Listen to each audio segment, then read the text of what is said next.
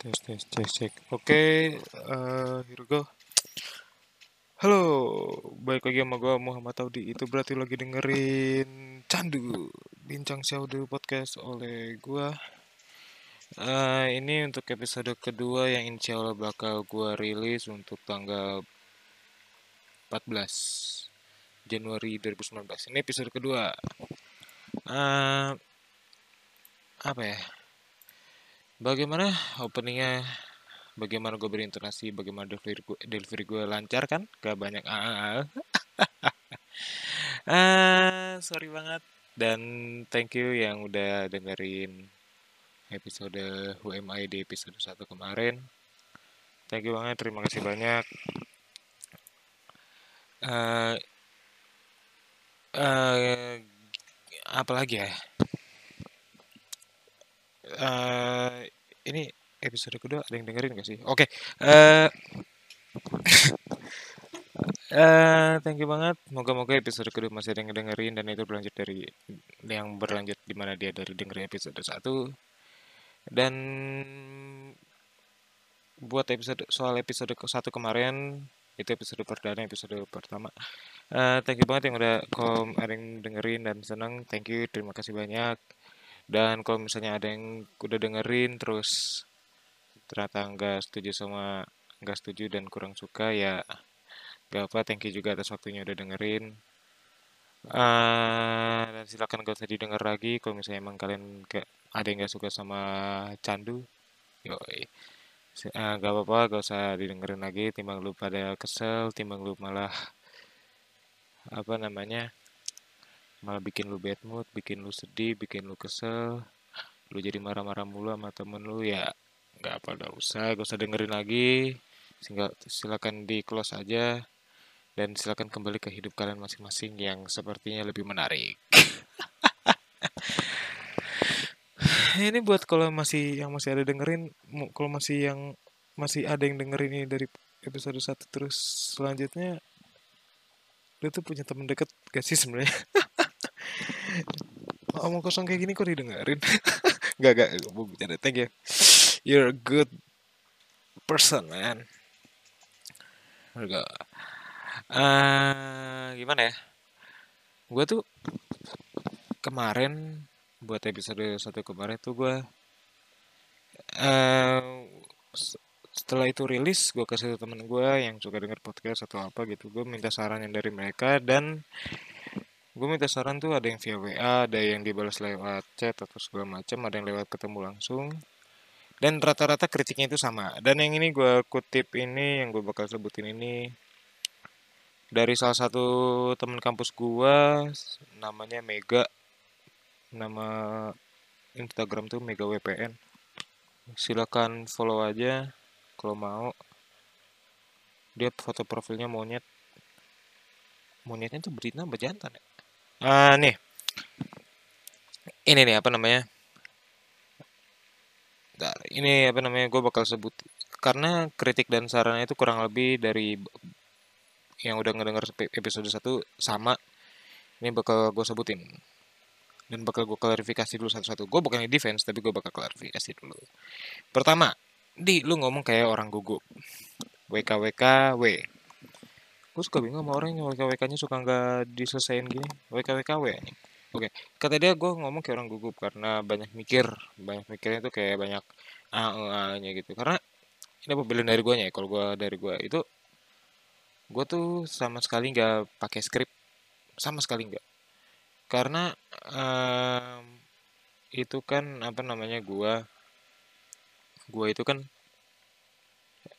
eh, itu tanpa skrip sama sekali karena pertama emang gue pakai skrip itu malah lebih susah. Tapi ini gue episode kedua menggunakan skrip. Ini banyak nih kritiknya dari Mega nih gue bacain ya tuh nih. Mampus juga. Nih katanya gue banyak kritik dan saran. Ah eh, apa banyak mikirnya ah, ah, karena karena kan gue ini tan menggunakan tanpa skrip. Tapi ini episode kedua nih yang sekarang nih lu pada dengerin kalau misalnya ada yang dengerin ini moga-moga si Mega dengerin ya ini menggu gue menggunakan skrip gue ketik no di Microsoft Word. Tapi yang gue tulis tuh kayak premis premisnya doang tapi gak lah kita coba aja. Terus katanya kritik yang kedua. Katanya gue itu eh, minimal harus minimal ada partner lah. Pertama gini gue tuh sempat kepikiran apa gue menggunakan, menggunakan parker apa parker gitu. Eh parker partner. Tetapi itu kan menggunakan apa uh, berarti membutuhkan dua orang kan gue dan dan partnernya nanti nanti maksudnya kalau gue bikinnya itu kan sesuai mood kalau gue bikin record kayak gini kan sesuai mood gue gue maunya kapan terus gue lagi ini ya kapan gue lagi senggangnya kapan gitu. Terus gue lagi ada premis ada ada keresahan itu kapan. Nah kan orang tersebut mungkin nanti jadi partner itu kan mungkin belum tentu sama. Apalagi kalau nanti libur gue balik ke Bogor gitu. Susahnya di situ. Tapi mungkin kalau nggak pakai bang uh, tapi kayaknya gue bakal beberapa kali ngundang temen gue di podcast ini uh, moga-moga mereka mau. Yang akan mereka akan gue jadiin tamu.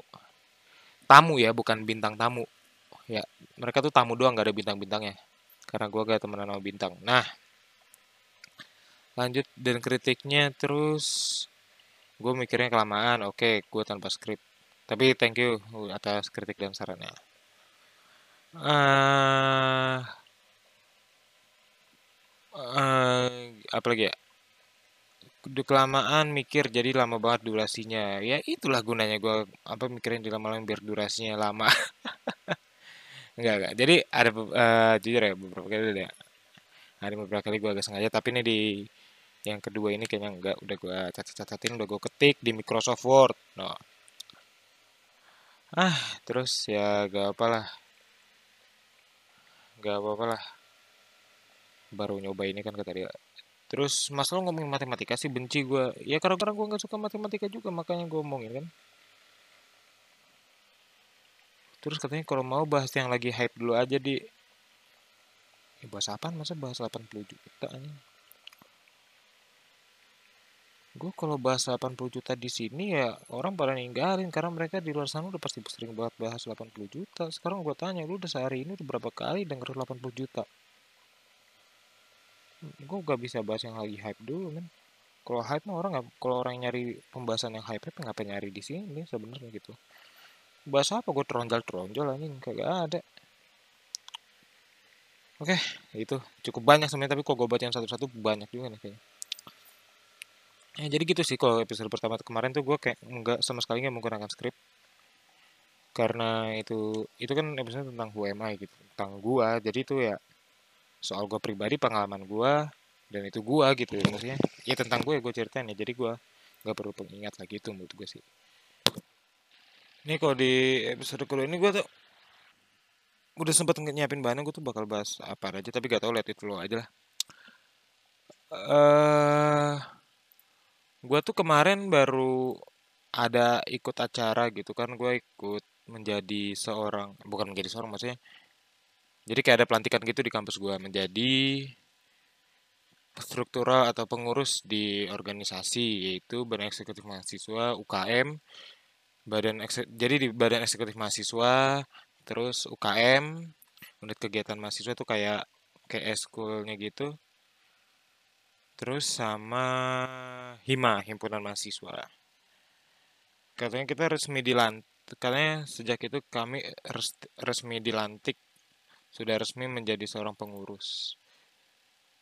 Dan itu lewat ikrar atau apa gitu. Kok menurut gue ya itu menurut gue orang tuh bisa disebut menjadi sesuai jabatannya gitu. Itu ketika dia telah melakukan pekerjaannya tersebut sih gitu kalau kata gue ya gitu kan kan kan kalau harus perbanyak aksi daripada lisan gitu kalau buat gue jadi orang tuh sebenarnya kalau sebelum ada pelantikan gitu tapi sebelumnya udah mengerjakan apa namanya pekerjaannya orang itu bisa disebut sudah bisa dilabeli sebagai pekerjaan dia tersebut gitu ini lumayan ya gue basa-basi udah tujuh setengah menit gitu ya itulah kita tuh kebanyakan mikirin label, kebanyakan mikirin apa namanya, apa namanya sebutan, nickname. Itulah orang-orang bu, kita tuh masih banyak banget yang masih terlalu terinfluence oleh orang-orang yang apa namanya mendewakan label, mendewakan nickname,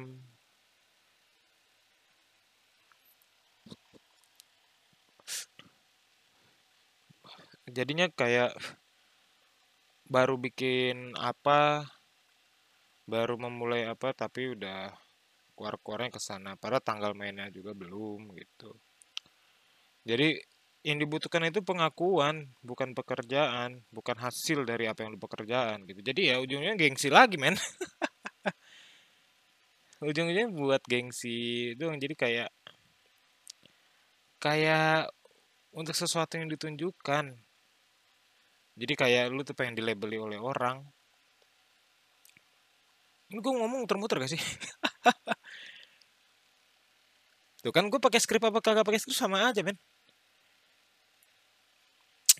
Uh, terus juga kemarin tuh ada kan dress code-nya tuh apa namanya gue tuh ada menarik sih dari semalam. Mungkin kalian pernah ngerasain. Jadi begini kemarin tuh kalau anggota itu kan harus menggunakan harus kalau pengurus yang ingin dilantik itu termasuk gue itu uh, wajib menggunakan alma mater ya kan? Wajib menggunakan alma mater. Uh, lalu uh, ada beberapa orang yang dia itu menggunakan batik. Dan dan semalam itu masih ada orang yang ngomong gue tuh kemarin denger ya ada orang. Jadi gue lagi ngobrol sama orang yang kan yang pakai batik itu panitia. Panitia teknik gitu. Terus ada yang gue lagi ngobrol sama salah satu panitia teknik kayak bercanda aja gitu. Itu tiba-tiba ada orang ngomong deh lu pakai batik mau kondangan lu maksudnya gini emang apa maksud gue gini apa salahnya gitu orang menggunakan batik? Di di apa namanya di acara yang sebenarnya kalau pakai batik juga nggak salah gitu. Lu masih suka denger gak sih kayak orang ngomong ini pakai batik mau apa mau kondangan lu mau nikahan lu mau apa gitu. Jadi lu tuh sebenarnya tuh masih kaget sama orang yang melakukan hal positif gitu lu sama budaya lu aja masih sebenarnya masih kaget. Ada orang yang menggunakan budaya lu lu kaget. Tapi ketika di budaya lu itu diakui sama orang lain lu tuh ngomel-ngomel. Ya sebenarnya tuh kita tuh masih sering banget tak kaget dengan budaya sendiri. Makanya lu gak usah terlalu nuntut orang orang senegara lu. Gak usah terlalu banyak nuntut pemerintah lu gini gini gini gini gini gini lu gak usah nuntut, gak usah terlalu nuntut kalau misalnya karya-karya senegara lu itu nggak sesuai yang lu mau atau tidak sesuai standar gak usah nuntut banyak lah soal budaya gitu. Kok lu tuh sebenarnya gak usah nuntut banyak ketika gak usah nuntut banyak soal budaya sementara lu aja masih kaget ada orang bule nyanyiin lagu tentang nasi padang men. Sumpah itu gue bingung lah waktu dulu apa sih siapa sih nama youtubernya? Nama bulenya itu ada namanya ke Fitland ya kalau nggak salah nyanyi lagu nasi padang nasi padang itu orang tuh pada kaget kenapa emang gitu? Kalau dibilang ini menghargai menghargai gue menghargai. Men sebelumnya tuh udah berapa kali orang yang apa namanya sebelumnya tuh udah berapa kali orang yang orang Indonesia mungkin yang bangga dengan contohnya kalau kita kasusnya ini yang gue sebut tadi itu kasusnya bangga dengan nasi padang gitu dengan cara lain nggak harus lewat nyanyi dong banyak. Tapi kenapa apresiasinya nggak terbes nggak sebesar itu? Kenapa apresiasi orang yang satu darah sama lu satu tanah air sama lu terhadap budaya orang yang orang satu tanah yang satu tanah air sama lu terus mengapresiasi budaya dia yang di mana itu juga budaya lu lalu lu tuh respon dia tuh nggak sebesar ketika respon ada orang luar yang tidak satu tanah air sama lu lalu mengapresiasi budaya lu gitu. Gue bingung kenapa. Lu tuh masih suka terlabel kalau yang buatan Indonesia nggak selalu lebih baik. Yang buatan sebuah buatan orang Indonesia enggak yang orang yang mem, orang tanah air orang orang Indonesia membuat segala sesuatu enggak enggak selalu lebih baik dengan itu. Karena gue yakin lu masih sering berasa kayak gitu. Soalnya ada orang ada orang Indonesia bikin film modelnya atau stylenya kayak film orang luar orang tuh senangnya bukan main. Kalau gue tuh gak apa-apa tapi lu tuh kayak meng me, apa ya namanya me, me tidak meninggikan diri lu sendiri gitu sebenarnya. Sebenarnya yang terpenting itu komut gue adalah kembangkan diri sendiri untuk yang lebih baik lalu tinggikan standar lu gitu. Lu jangan standar lu tuh jangan yang masih satu circle dalam lu gitu. Karena kalau misalnya panutan lu siapa? Misalnya panutan lu tuh teman sekelas lu. Lu tuh harus panutan tuh orang yang jauh di atas sana. Karena ketika panut lu mem, orang lu menjadi menjadikan orang yang di luar sana yang jauh levelnya di atas lu menjadi panutan dan lu selalu mengejar dia lu tanpa meras tanpa sadar lu tuh udah melewati orang yang satu circle sama lu. Itu yang banyak gue rasain sih.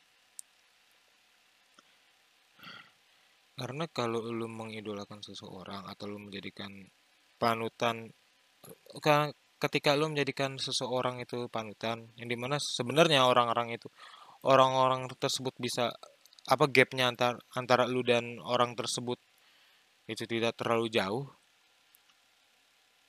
itu menurut gue nggak perlu gitu. Karena sebenarnya lu tuh bisa mengajar dia dengan waktu yang cepat gitu. Pada paham gak sih mas gue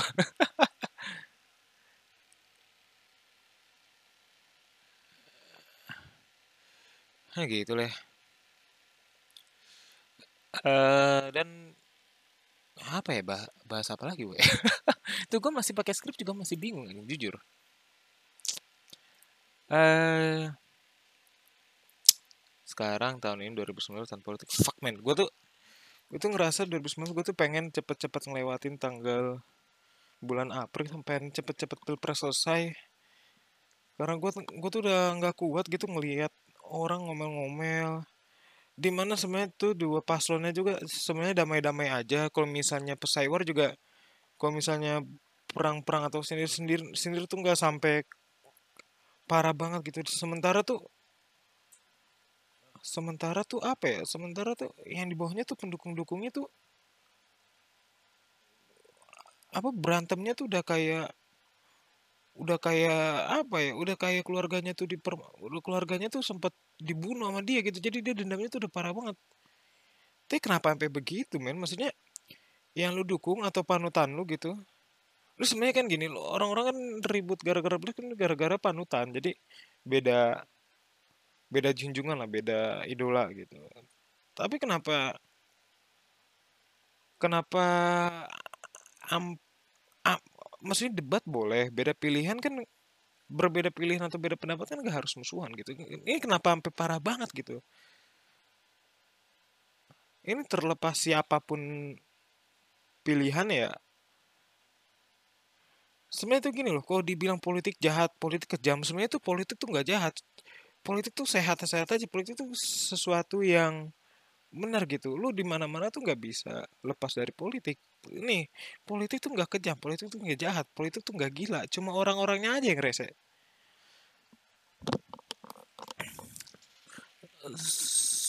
Sebenarnya tuh gitu men. Lu tuh nih milih ketua kelas itu sebenarnya politik lu milih lu memilih lu sama keluarga lu lu apa lu, lu lagi sama keluarga lu lagi musyawarah pengen jalan-jalan ke mana itu politik. Makanya gue suka bingung sama yang dibilang politik itu kejam politik itu kejam. Politik itu nggak kejam orang-orangnya aja yang rese lu nyanya orang lu lu nya aja yang pada rese gitu yang pada aneh-aneh gitu. Alhamdulillah. Tapi gue ini tanpa ngejar siapa pun ya. Tapi ini ini gue pengen ada pengen gue bahas juga nih soal partai politik gitu ini bukan masalah opini gue doang ini mas opini orang banyak juga. Gue sempat baca juga. Dan ini menurut gue bener lucu juga. Gue tuh apalagi sekarang di jam di musim politik gini ya. Kan kalau lu keluar rumah lu naik motor ke mana itu pasti sering lihat apa banner-banner politik ya kan spanduk segala macem yang gue tahu ya yang gue tahu ya mungkin aja salah kalau salah mau, mau dikoreksi. Aduh sorry. Gue tuh baru nyadar ya partai politik kan duitnya banyak ya harusnya ya buat nyewa buzzer segala segi buat nyewa buzzer terus apa namanya kampanye sana sini itu kan pasti mengeluarkan duit yang besar. Tapi dengan duit yang besar itu kenapa partai politik tuh gak ada yang kepikiran buat nyewa desainer grafis ya Sumpah, lu tuh kalau ngeliat ya, ini gue nggak bilang gue gimana banget gitu mungkin lu lu juga ada yang setuju gitu. Partai politik itu tuh banyak banget yang karena gue yakin target mereka tuh kan pasti harusnya milenial kan. Orang-orang yang di mana pengen mulai ke masuk masuk ke dunia pemilihan gitu anak-anak muda. Kenapa gak ada yang ngambil ngambil inisiatif untuk memancing para milenial ini untuk tertarik kepada dunia perpolitikan gitu salah satunya lewat visual yang mudah dijangkau yaitu lewat banner, poster segala macam dengan tampilan yang menarik gitu. Soalnya kalau gue lihat ya, bukan gue doang kok yang ngomong sumpah. Teman-teman gue juga banyak ngomong kalau banyak yang kepikiran kalau soalnya kalau kampanye lewat banner atau poster gitu biasa kok apa stylenya gitu-gitu aja gitu.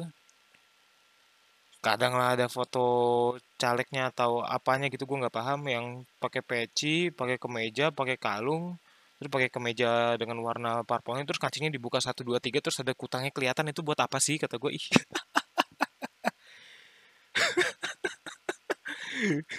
Sumpah ya. Gue tuh pernah ya gue lagi nongkrong gitu sama teman gue ada banner banner dari salah satu partai lah. Di Jogja. Lagi malam lagi nongkrong gue terus gue mau bilang gue ngeliat ini foto lucu banget ya kata gue terus nggak lama calegnya ini yang di depan apa yang di fotonya ini caleg yang di dalam fotonya ini lewat naik motor tengah malam. Dengan tampilan yang sama dengan peci yang sama. Cuma bedanya kancingnya ditutup waktu itu. Malam soalnya dingin kali dia. Sumpah itu lucu banget